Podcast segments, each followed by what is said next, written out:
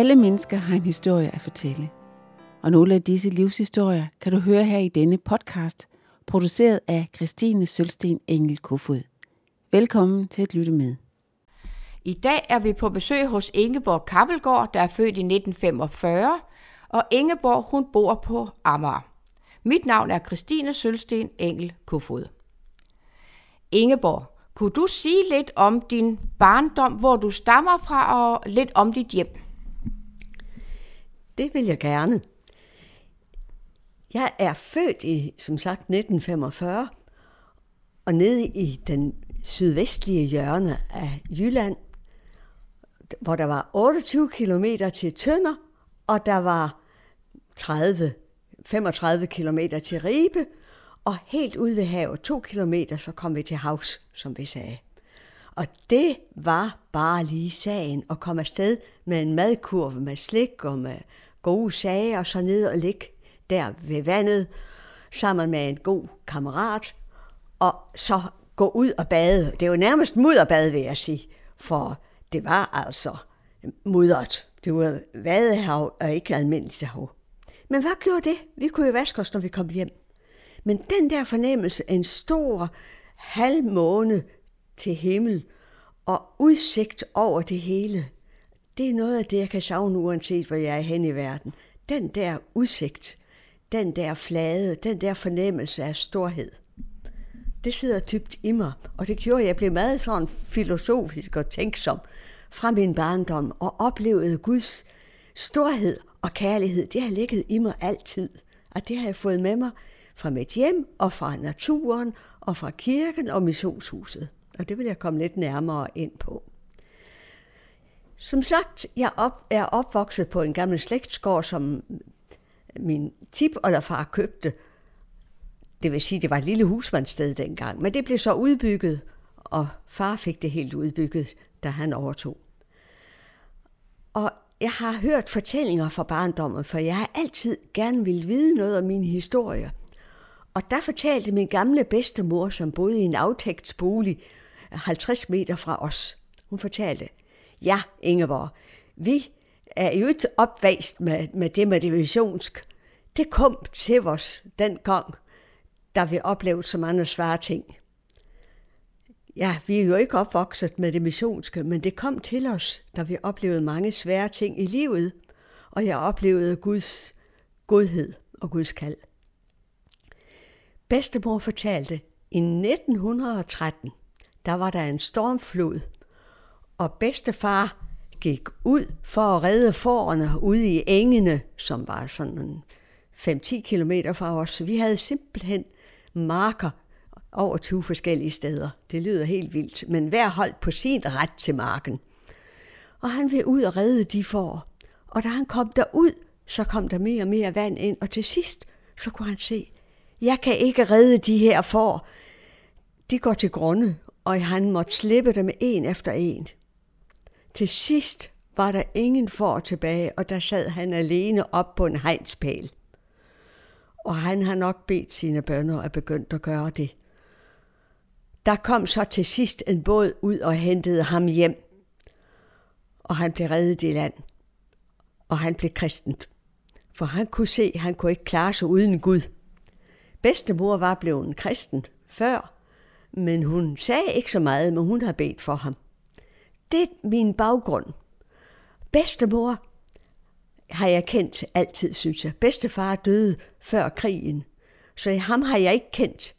Jeg har kun hørt om ham, at han var en stille og rolig mand, men meget, meget pålidelig. Og han sagde ikke så meget om sin tro, men på sit dødsleje, hvor naboerne kom ind for at sige farvel til ham, det gjorde man jo dengang. Man sagde ordentligt farvel og ordentligt goddag. Og de kom der ind, og når de gik fra ham, så havde de tårer i øjnene. Og det viste sig, det var fordi bedstefar han sagde til en nabo, ved du hvad, nu skal jeg snart herfra, og jeg går lige hjem til Gud for Jesus skyld. Han har gjort det helt redde for mig. Han taget al min skyld på sig. Og så strålede han.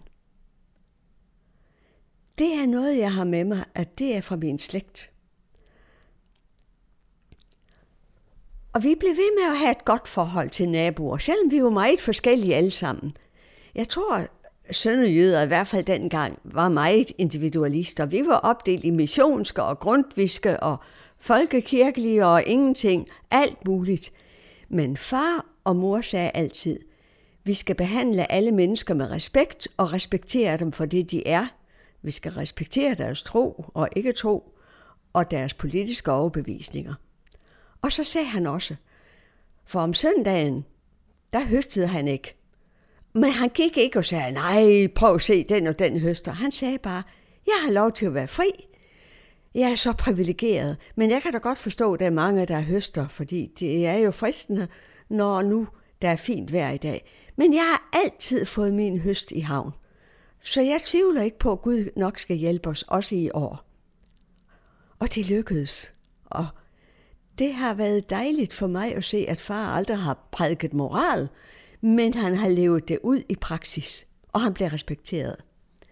Han var sovnrådsformand efter at have været kasserer i mange år, og så var han også menighedsrådsformand og var med i Luthers Missionsforening. Det var der, vi kom. Det var der, der kom flest dengang. Så sluttede man sig til det, der var.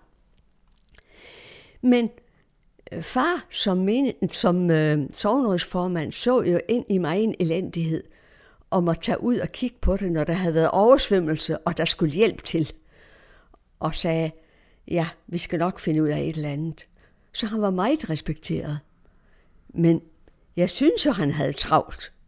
Altid. Han var med i, jeg ved ikke, hvor mange udvalg. Jo flere udvalg han kom i, jo flere spurgte efter ham. Sådan er det jo. Og så tog det med, at han havde sin egen overbevisning. Men jeg husker en barndomsveninde, hun sagde, Ingeborg, hvis min far og mor skulle dø en dag, så har jeg sagt, så vil jeg bo hos jer. For der er trygt at være. Far havde det syn, at man bad bordbøn ved alle måltider, uanset om der kom nogen eller ej. Der var to kale og en pige, og de var med i det, og så var vi to børn og min gamle bedstemor, så der var altid fyldt ved bordet, og tit med en ekstra. Men det var lidt øh, specielt. Jeg kan huske en gang, der kom en nabo ind, og far han var i gang med at læse andagtstykket, og han sagde ikke et ord, da naboen havde banket på, og han kom ind. Og naboen stillede sig roligt i døråbningen med hatten i hånden og ventede til far sagde ammen. Og så sagde far, værsgo, kom ind. Sådan var det. Og som sagt, der var bordbøn morgen og aften, uanset hvad der passede sig – og jeg kan huske i min unge dag, der synes jeg som til, ah, behøvede det være så meget? Men det blev der ikke spurgt om, sådan var det bare. Og det sjove det er, at jeg kan mærke, da jeg kom til at leve mit eget liv, så havde jeg brug for det samme. Det er godt med nogle øh, mønstre, og det er godt at have en, en tradition. For ellers så flyder det hele bare på et tidspunkt. Jeg husker en gang i vores hjem her i København, hvor der kom en, som skulle spise med. Og vi gjorde, som vi plejede. Arne bad bordbøn, og så begyndte vi. Der var ikke brug for mere snak om det kristne, for det kom helt af sig selv med en masse spørgsmål. Så det har altid været godt. Min barndomshjem var trygt. Og som sagt, så var far og mor meget åbne. Der kom mange gæster. Og når børn havde brug for at have et sted at være, og de ikke havde nok omsorg derhjemme, så kunne de komme til os. Så selvom vi kun var to børn, så var der næsten altid en eller to flere.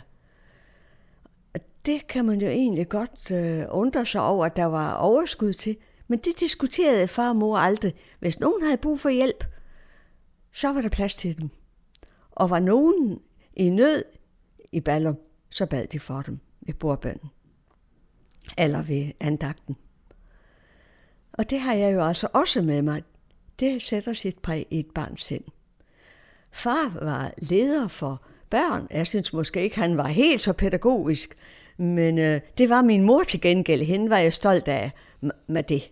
Far var jeg stolt af med arbejdet. Og det, vi kan jo godt have lidt forskellige noget gaver uddelt. Mor var dygtig til, som søndagsskolelærer. Hun var meget afholdt. Men hun kunne nok også være lidt skrab. Jeg husker til Guldkonfirmation, det er, når man har når det er 50 år siden, man blev konfirmeret, der kom der en klassekammerat hen til mig og sagde, Ingeborg, jeg kan godt sige dig, jeg er gal på din mor. Hvad siger du dog? Jo, for ved du hvad, da vi var børn, og vi skulle synge til jul, det plejede mor jo at organisere og få lavet børnekor, der smed hun mig ud og sagde, du skal ikke være med, sådan ballademager. Og det har jeg aldrig tilgivet hende. Så svarede jeg ham, så vil jeg gerne bede om undskyldning på mors vegne. Hun ønskede ikke at gøre nogen ondt. Der har nok bare været brug for ro, men undskyld på mors vegne. Okay, sagde han, det er i orden. Min bror reagerede med at sige, det havde han sikkert godt af. Men mor var aldrig bleg for at give en undskyldning, og det vidste jeg. Det har jeg også med mig. Man skal være hurtig til at erkende, hvis noget er forkert. Som sagt, mor var dygtig som søndagsskolelærer, og de var lejerledere, far og mor, hver sommer. Det var vores sommerferie på Solbakken. Og de var rigtig gode til det. Far slappede af, al autoritet faldt, og det overlod han til mor. Der var det hende, der styrede biksen, ellers så var det far. Og det er egentlig sjovt at tænke på, hvordan man kan supplere hinanden som ægtefolk. Far, han skulle på ferie, og mor, hun så opgaven i at være noget for alle de her børn, 70 børn. Anne Jul var også med som leder. Og mine kammerater fra skolen var med, for uanset om man kom fra missionshjem eller ej, så skulle alle med på lejr, for der var godt at være. De respekterede læreren, og de respekterede far og mor. Og en gang, hvor der var nogle ledere med, som var meget pågående med det kristelige, hvor det blev forkert, der mærkede de, at far og mor Anne Jul, de ønskede heller ikke, at man skulle på den måde være provokerende. De skulle gerne have børnelærter med fra den kristne tro. Ja, sagde forældrene, og så var alt okay igen. Derigennem lærte jeg også lidt om at formidle den kristne tro, ved at jeg tidligt blev sat til at undervise og hjælpe, og jeg elskede det. Og det at have nogle forældre, man var glad for, og som også levede det ud i praksis, det gjorde, at der blev en helhed i min tilværelsesforståelse. Og jeg huskede, da jeg senere kom på seminariet, og der kom mange underlige ting ind i mit sind, så sagde jeg til mor, jeg forstår ikke det her. Og der står sådan i Bibelen, og så siger videnskaben sådan. Så begyndte mor at læse, hvad det var, der gjorde, at jeg kom i tvivl. Tænk engang, at hun gjorde det. Det var ikke far. Det gad han ikke, men det, det gjorde mor. Og igen, så gjorde det, at jeg ikke gav op. Jeg tænkte, når mor hun kan få hjælp til at leve med det, selvom hun øh, tænker på alle de her problemer, så må jeg også kunne få hjælp til det. Som sagt, der kom mange børn i vort hjem, og boede der, nogle boede flere år ad gangen, andre var der bare i en sommerferie eller nogle måneder. Men et år kom Anne Jul hjem fra øh, Grønland, hvor hun havde været med til at lede et børnehjem. Men børnehjemmet lukkede, og det betød, at der var børn, som var uden hjem. En af dem, der kom til os, det var Viggo. Der var også en anden en, der kom med, men far sagde efter nogle måneder, det magter vi ikke. To af den slags, det går ikke. En kan vi klare. Og den anden, han kom så tilbage til Grønland efter et år, og fandt så en anden måde at leve på. Men Viggo blev hos os, fra han var otte år, og så med pause, og indtil sin død som 23-årig. Og det vil jeg gerne fortælle lidt om. Viggo var lukket som en bog. Han havde meget at slås med i sit sind, og det gav sig udslag i, at han stjal, og der forsvandt penge fra huset, og han ridsede i far og mors smukke egetræsmøbler og slog noget glas i stykker. Og jeg sagde til mor, ved hvad det der for galt? Ja, det er ikke så godt. En dag så tog mor vi med rundt i stuen. Det var en dag, han var i godt humør og åben, og så sagde hun, der står Viggo, der står Viggo, der står Viggo. Det var alle de steder, noget var slået i stykker og ødelagt. Til sidst så stod den store teenage-dreng med tårer i øjnene. Og da så mor så på ham, hvor han var lidt bange, så sagde hun, men Viggo, vi elsker dig alligevel. Det vil vi altid gøre.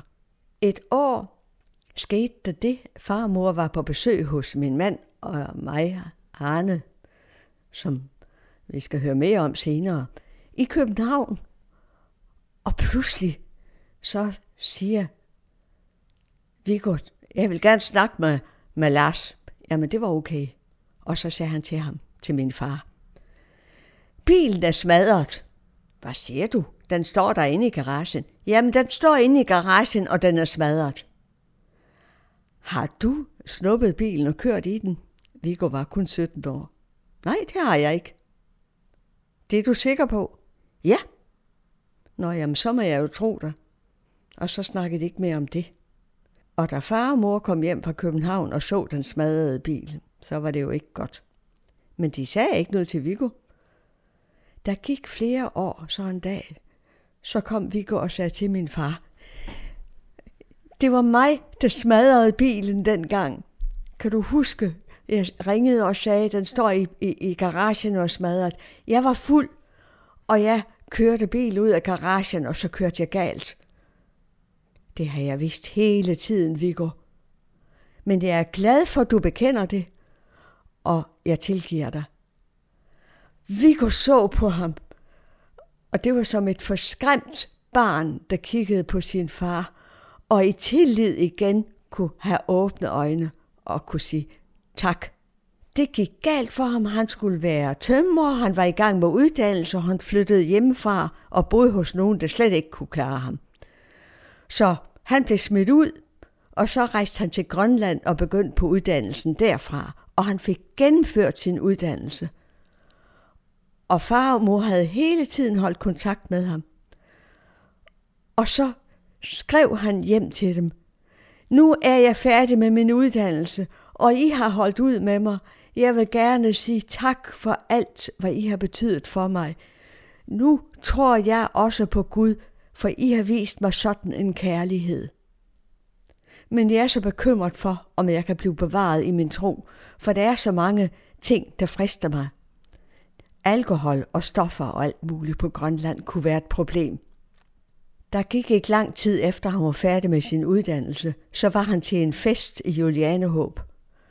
Og ved den fest, der skete der det, han var kommet alene til i sin båd fra Lichtenau, og han gik fra festen, han var vred over et eller andet, og tog hjem. Og han omkom. Han rejste alene afsted i sin båd, og er aldrig blevet set siden. Det gjorde ondt i os, det gjorde ondt i Arne og mig, min mand. Vi var i Rumænien på det tidspunkt, og jeg synes, det var frygteligt. Men Viggo, tror jeg på, blev taget hjem til Gud og blev bevaret på den måde. Men jeg kunne godt, jeg har nogle spørgsmål, jeg kan ikke forstå, hvorfor det skulle gå så galt. Og der er det mig en trøst. Der er mange ting, vi ikke får svar på her i livet, men jeg kender Gud så godt, jeg ved, at han er historiens Gud, og han sørger for sine på den bedste måde, selvom vi ikke kan forstå, hvad der sker. Ingeborg, kunne du sige lidt om, om du har nogle søskende, og om din skolegang, og om nogle specielle oplevelser, du har haft i din barndom? Det vil jeg gerne. Jeg havde en bror, Christian Peter, og vi kaldte ham Fut. Fordi det kunne man hurtigt få sagt til andet. Navn var så langt og besværligt. Han var god til at tage sig af mig, for jeg var jo tre et halvt år yngre end ham. Og jeg var meget stolt, når jeg måtte være med i hans leje. Og jeg husker en gang, hvor han sagde, Ingeborg, vil du med ud og sejle? Ja, det vil jeg da gerne. Jeg var godt nok bange for det med at komme ud og sejle, men tænk, når de store, de gad tage mig med, så siger man ja til alt, selvom man er bange. Så vi kom ud på sådan en tømmerflåde, ud på branddammen, hvor, man, hvor der kunne være lidt farligt, men de store vidste jo nok, hvad de gjorde. Og da vi kommer derud, så siger min bror pludselig, nu er vi kommet så langt ud, så vi ikke kan bunde. Så nu er det med at passe på. Huha, sagde jeg, så vil jeg arter. Så vil jeg springe af, og så sprang jeg på hovedet i vandet. Jeg var kun syv år, og jeg lignede en på fem år. Og der var ingen, der hjalp mig. De andre var chokerede, tror jeg.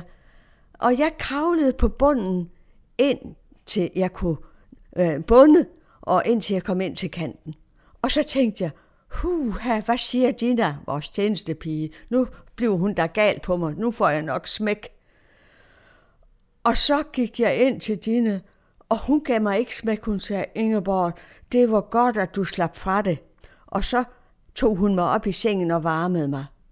Og da mor hørte det, blev hun meget ulykkelig. Hun var på hospitalet på det tidspunkt. Der var nemlig det ved det, mor havde problemer med sin ryg.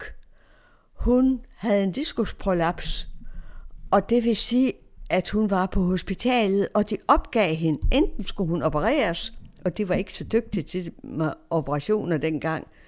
Så hun gik som i en vinkel, en kvinde på knap 40 år. Det er jo ikke godt. Så vi var meget ulykkelige over det, at hun havde det sådan. På et tidspunkt så sagde min mor, hun var stadigvæk handlekraftig, der må der være nogen, der kan hjælpe. Jeg går til præsten. Det var en god indremissionspræst, Nikolajsen. Og så sagde hun, jeg ved, der står i skriften, at når man er syg, så skal man kalde de ældste sammen, og så kan man bede til Gud, og så kan han helbrede, hvis han vil. Så sagde Nikolajsen, ja, det er sandt, Elge, men jeg har ikke tro til det, men du har ret, det står i skriften. Nå, tænkte mor, så går jeg til øh, Christian Jebsen, LM's prædikant, som mange stadigvæk husker. Og hun sagde til Christian Jebsen, hvilket, om sine problemer. Så sagde hun, Eli, det er rigtigt, men jeg har ikke tro til det. Det plejer vi jo ikke sådan noget, men du har fuldstændig ret. Men jeg vil gøre det. Jeg vil rejse med dig og Lars, det var min far, til Sydtyskland. Der kender jeg en prædikant, som beder for syge, og nogle gange så helbreder Gud dem. Så vi tager afsted, vi tre. Det synes vi var flot. Og de tog afsted, og mor fortæller, at de kom derned, og der blev bedt for hende.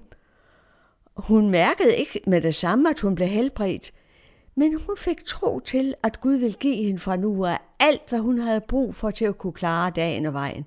Så hun kom hjem, og stadigvæk så kunne hun ikke rigtig rette sig op, men hun fik hjælp til mere og mere at kunne klare dagen og vejen. Og til sidst så kunne hun gå oprejst. Og så sagde jeg til mor, det skal du da fortælle, når der er noget med vidnesbyrd. Nej, sagde hun. Det vil jeg ikke, det er for dyrebart for mig. Jeg kan ikke have, hvis der er nogen, der ikke kan tage det. Så bevarer jeg det som et klenode i mit sind. Og der lærte jeg af min mor, at nogle gange, så er man ikke sikker på, at ens omgivelser helt kan forstå det og tage imod det. Og Gud har givet det til opmuntring for en selv. Mor fik hver dag, hvad hun havde brug for, så hun kunne klare det at være derinde. Og så sker der altså også det, at far sagde, du skal ikke hjælpe ude med det ene og det andet. Det kan godt være, at andre kvinder gør det, men det skal du ikke. Vi har råd til, at det gør kalen og pigen. Og det betød, at mor sad meget og strikkede og syede og lyttede til mig, når jeg spillede klaver og læste historie for mig. Og jeg sagde mange gange til mor, hvor er det godt, du ikke har en stærk ryg. Det er så dejligt, du har tid til at høre på mig.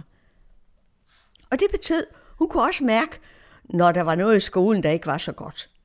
I den lille skole i Ballen var der 70 elever. Det var delt i to klasser.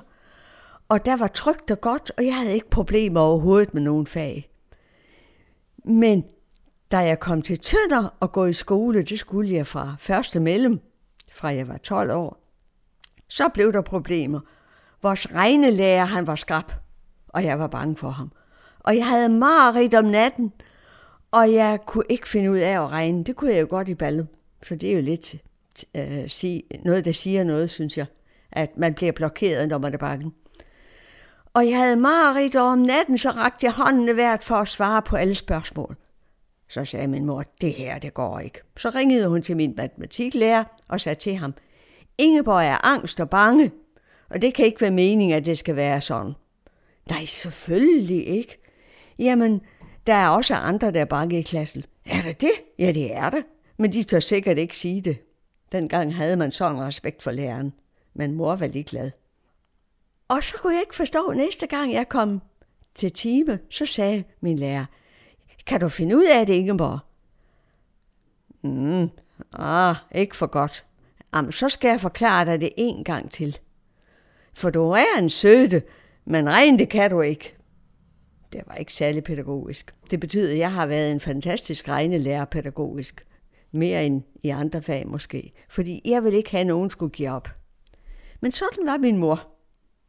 Ligesådan så husker jeg, at min bror han havde problemer med sin religionslærer. Og så ringede min mor til religionslæreren og sagde, det kan ikke være rigtigt, at du piller alt det fra vores børn, som vi indpodede dem som børn om tro. Nej, det var da ikke meningen. Jamen, det gør du. du siger det modsatte af, hvad vi siger. Du må, du må vise respekt for, hvad de lærer derhjemme. Så han blev sådan lidt mere øh, omgængelig. Og det lærte mig noget om at være ærlig og oprigtig. Min bror var som sagt god ved mig. Altså han har nok syntes, jeg var en lille purk. Men øh, alligevel så var han god til at tage sig af mig. Og øh, det var jo dejligt, at, at han var det.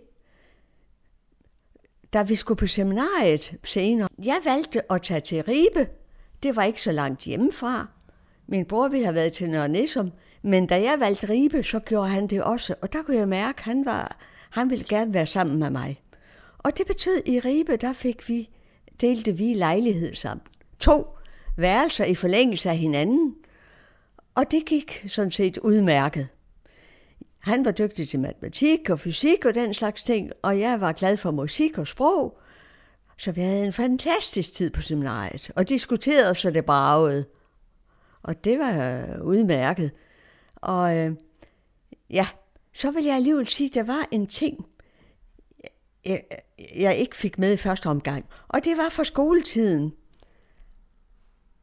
at det lød som om, at jeg var noget af et dydsmønster. Det, det ønskede jeg, hvis det egentlig var være, men det var jeg jo ikke. Og der var, jeg var meget lattermild, og jeg kunne godt lave sjov og ballade, men jeg ønskede jo aldrig at være slem. Og så var der altså en gang, hvor jeg nok havde snakket lidt for meget. Så sagde læreren, Ingeborg, du skal blive og have en eftersidning sammen med den der, for I snakker for meget. Og jeg blev ulykkelig. Og da vi kom til den eftersidning, så gav jeg mig til at tudbrøle, for det var verdens undergang. Jeg ville så gerne være en god pige, det vidste jeg jo, man skulle være. Og da jeg var så ulykkelig, så sagde læreren, ah, skidt pyt. I slipper for eftersidning, men I skal bare huske, I må ikke snakke så meget. Ja, ja, sagde det skal vi nok huske. Og de andre sagde til mig, det var heldigt, Ingeborg. Husk at gøre det næste gang. Giv dig til at græde, så slipper vi for eftersidning. Så jeg var ikke et dydsmønster, men det når måske lidt som et pres, at jeg skulle være den gode pige. Så det var fint at prøve det her. Ingeborg, du, øh, du tog realeksamen, og hvad gjorde du så efter det? Jamen, så tog jeg i huset, fordi jeg skulle lave noget et år, inden jeg kom på seminariet. Og der var en gammel dame, der gerne ville have mig til at komme som hushjælp, og egentlig mest som anstandsdame og underholder. Og det sidste, det kunne jeg sagtens finde ud af. Det første, det var ikke helt så enkelt, fordi hun var vant til, at man var meget nøjagtig med, hvad koster det, og hvad koster det, og kan det betale sig at købe, og sådan noget, det var jeg jo ligeglad med. Jeg var ikke vant til hjemmefra, at vi skulle se så nøje på det, fordi vi havde ikke problemer med pengene. Men øh, jeg holdt dig til det. Men før jeg blev ansat, så skulle vi finde ud af lønnen. Og det var min mor med til. Og der sagde hun, jamen, øh, hvordan er hun dygtig i huset? Ah, sagde mor, hun har ikke lært så meget, fordi hun har jo gået i skole. Jamen, skal vi så ikke sige 90 kroner? Ah, det var nu lidt. Så siger vi 100 kroner om måneden. Men det gik vi så med til, og så tre måneder der var jeg i huset hos hende. Og hun lærte så, at piger kan være meget forskellige, og at jeg ikke ligefrem måske var den bedste til det, men jeg kunne i hvert fald underholde hende, og vi havde det sjovt. Og når der var en veninde på besøg, som havde fået en kæreste, så snakkede vi kryptisk, og vi havde det så sjovt og grinede, og det synes den her anstandsdame var sjovt, fordi vi kunne snakke om hendes kæreste, uden at, at hun forstod det, fordi vi snakkede sådan lidt kryptisk og hun kunne bare godt lide, at vi var så lattermilde og sjove. Men efter det, så kom jeg på for refugiet et halvt år som stuepige, for jeg turde simpelthen ikke komme i køkkenet efter den oplevelse hos den gamle dame der. Og der havde jeg det godt. Der blev jeg forkælet. Jeg fik gratis, øh, gratis øh, klaverundervisning af en ekspert. Og jeg fik regneundervisning, for jeg skulle jo på seminariet. Og så havde vi det ellers hyggeligt og godt. Og så spurgte en af lederne, om ikke jeg godt kunne tage med af de andre piger og sørge for, at vi sang sammen, så de ikke levede så let til bens. Jo, det kunne jeg sagtens. Så jeg havde mange sjove opgaver. Men jeg var glad for tiden der, og jeg lærte min højskolesangbog at kende, og kom til koncerter og alt muligt godt. Og så efter det kom jeg på seminariet. Og på seminariet, der var min bror og jeg jo sammen. Vi fik lejet en lejlighed, hvor han havde det inderste værelse, jeg havde det yderste værelse. Og øh, det betød, at han var natteravn, og jeg var morgenfuse, det vil sige, at han havde gæster sent om aftenen. Og jeg havde det ikke, men så kunne de sidde inde i hans rum. Og vi havde det fint sammen. Vi havde i hele taget meget glæde af hinanden. Og når jeg inviterede til øh, noget kirkeligt samvær blandt øh, lærerstuderende, der ville jeg gerne øh, have kaldt sammen til KFS. Men min lærer, religionslærer, han sagde, ej Ingeborg, lad os kalde det kalde kirkeligt arbejde blandt lærerstuderende, for det er jeg leder for i landet. Du må kalde på alle de ledere, du vil have til at komme og holde foredrag. Bare ikke kalde det KFS. Okay, sagde jeg, så gør vi det. Og så tilkaldte jeg nogen, jeg kendte. Det er jo sådan nogen som Øh, forstanderen fra LMH, øh, LME i Lum Kloster, og den senere biskop Geil og andre gode folk. Og hele min klasse ville gerne med. Men da de havde oplevet den enkelt gang, så sagde jeg, ej Ingeborg, det er lidt for skrabt. Det gider vi ikke. Nå ja, men det må I så selv om. Men det betød, at jeg havde faktisk et godt forhold til kammerater og godt forhold til min bror. Og de accepterede, at jeg var der, hvor jeg var, og jeg accepterede, at de var der, hvor de var. Jeg elskede musik og spillede og spillede, og elskede sprog, og jeg gjorde ikke noget ved matematik og ved fysik, men hvad gjorde det? Det skulle jeg jo ikke undervise i. Og håndgærningen, det gjorde heller ikke så meget ved. Så da jeg senere engang skulle undervise i det, så sagde jeg til skolelederen, hvis I sætter mig til at undervise i 8. klasse i kjolesyning, så vil jeg sige, at det er uforsvarligt over for eleverne, for det kan jeg ikke nok til. Nå ja, hvis du mener, det er uforsvarligt, så må jeg, vi, vi lade være med det. Så sådan klarede jeg det. Men seminarietiden var god. Og jeg husker engang min årlærer. Jeg kom i gang med årl og elskede det. Uh, vi lavede sjov og ballade, mit årlærer og mig, og han uh, ville gerne sådan udfordre mig lidt. Og jeg ville godt udfordre ham, så jeg sagde til ham, jeg til min musiklærer, når vi kommer til verset, skæres for den sorte stær, skal der øjne mange, døve øren fjern og nær, hører frydesange. Tør du så sætte hele apparatet i gang i domkirken, i øh, domkirken i Ribe? Og ja, sagde han. Og så vædede vi på det. Han synes, vi skulle væde en, en kasse øl. Jeg sagde, ej, en øl, det er nok. Og det vædede vi så på, at om han turde gøre det, eller ikke turde gøre det. Da der var koncert, og øh, hvor jeg blandt andet skulle spille, men hvor der også var øh, noget med, at vi skulle synge den her sang, så sagde min mor og far, da vi kom til vers 4, så lød der pludselig sådan englemusik. Det var helt fantastisk. Det havde jeg dog aldrig før hørt ved Blomster som en rosengård. Og så grinede jeg og sagde, det var min lærer og mig, der havde lavet et vedmål, om han turde sætte det i gang. Og det gjorde han godt. Så sådan havde vi meget sjov og ballade. Sagt, jeg fik så meget godt med mig, og det var rigtig, rigtig dejligt at tænke på, at det var musik, jeg fik med mig, og det var godt samvær med kammerater, og hvor vi respekterede og accepterede, hvor vi var. Og så var det jo ellers mest det, jeg, jeg, jeg vil sige, jeg fik med mig fra seminariet. Ingeborg, der er noget med, at mens du var lærerstuderende, så havde du altså en lang ferie i USA. Hvordan kom det så? Jamen, altså man kunne jo godt forlænge den lidt, så det blev i alt til to måneder næsten, at jeg havde ferie. Jeg blev inviteret derover af en familie, hvis søn havde været på besøg hos os i Danmark nogle måneder for at opleve Europa. Og det gik rigtig godt. Min bror var glad for ham, og jeg var også, og mine forældre også. Og så inviterede de mig to år efter til at komme derover, og jeg ville jo gerne lære noget mere engelsk. Så jeg kom til USA, og der var jo, det foregik jo altid på engelsk det hele, så jeg fik virkelig lært noget. Men der var en ting, der undrede mig i dag i 1965. Det har været der, hvor man begyndte at snakke om øh, problemer med de sorte. Og jeg kunne slet ikke forstå, at der ikke var kontakt mellem sorte og hvide. Så jeg stillede mange spørgsmål. som jeg kan se bagefter, de nok ikke har brugt sig om. Jeg spurgte for eksempel, har I ikke nogen venner blandt de sorte?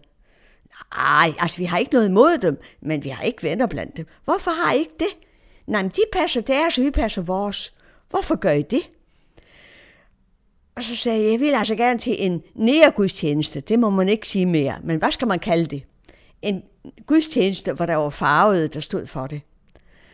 Og de grinede af det derhjemme, og de fortalte vidt og bredt, hende Ingeborg fra Danmark, hun vil til en nærgudstjeneste. Hvad stiller vi op med det? Så fandt de ud af, at jeg blev ved at insistere på, at jeg ville afsted. Og jeg havde ikke noget imod selv at gå. Det er for farligt, sagde de. Vi sender vores søn og hans kammerat med dig. De kan sidde på hver sin side af dig og passe på dig. Åh, sagde det var dog komisk, men okay. Så vi kom afsted til nærgudstjeneste. Og da vi kom derind, så oplevede jeg, det var nok ligesom en øh, pinsegudstjeneste i Danmark. Det kendte jeg jo lidt fra min... Vi har noget i min familie, der gik fra intermission og blev apostoler, fordi de synes de trængte til et liv. Men det her, det var altså stærkere.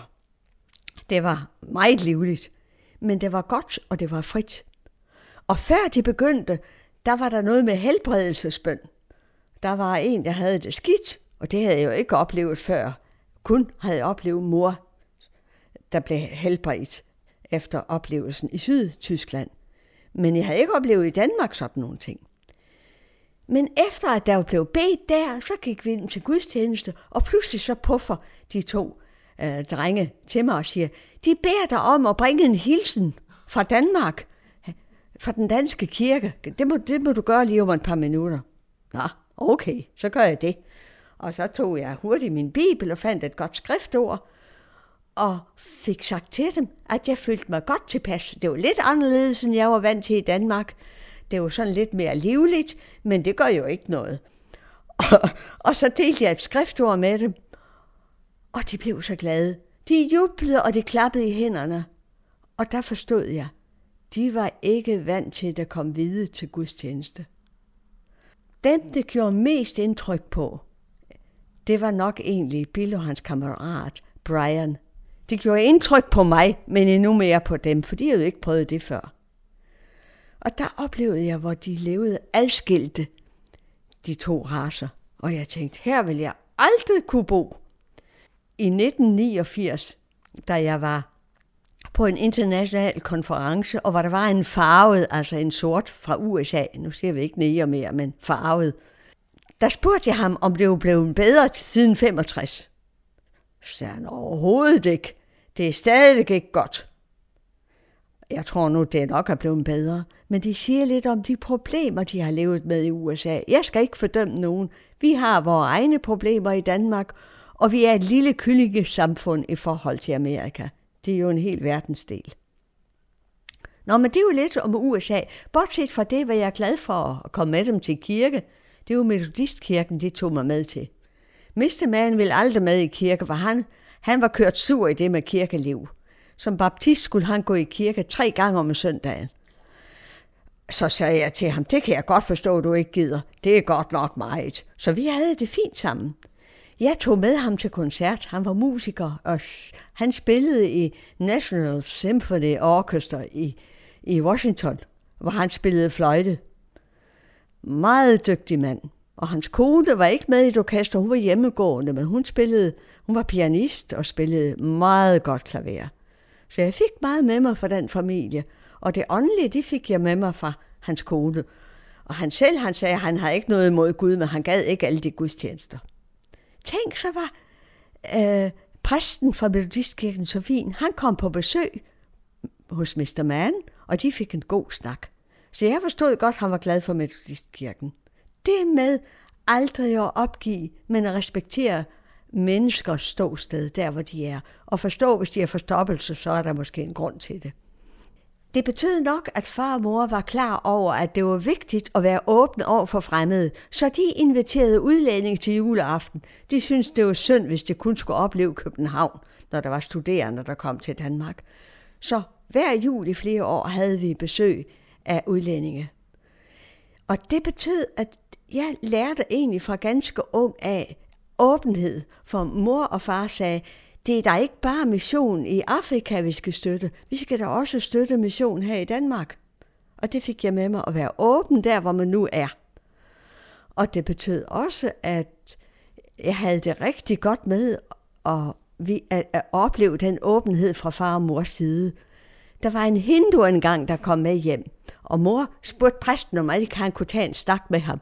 Men hinduen sagde bagefter, jeg forstod ikke, hvad den præst han sagde, jeg vil hellere snakke med jer. Far og mors åbenhed, det havde han respekt for, og det har lært mig. Man skal ikke være bange for at dele det, man tror på. Bare gør det enkelt og varmt og ægte. Det gjorde far og mor, og vi oversatte. Men hjertesproget, det forstod alle. Vi kunne sønderjysk og rigsdansk, men ikke andre sprog. Ja, jeg må jo sige, jeg er blevet opdraget til at være hudfarveblind, og det er jeg utrolig taknemmelig for, og det har jeg fået brug for meget i undervisning på LM's missionsskole, i psykologi og i det her med at begå sig i andre kulturer. Det fik jeg lov til at anvende der.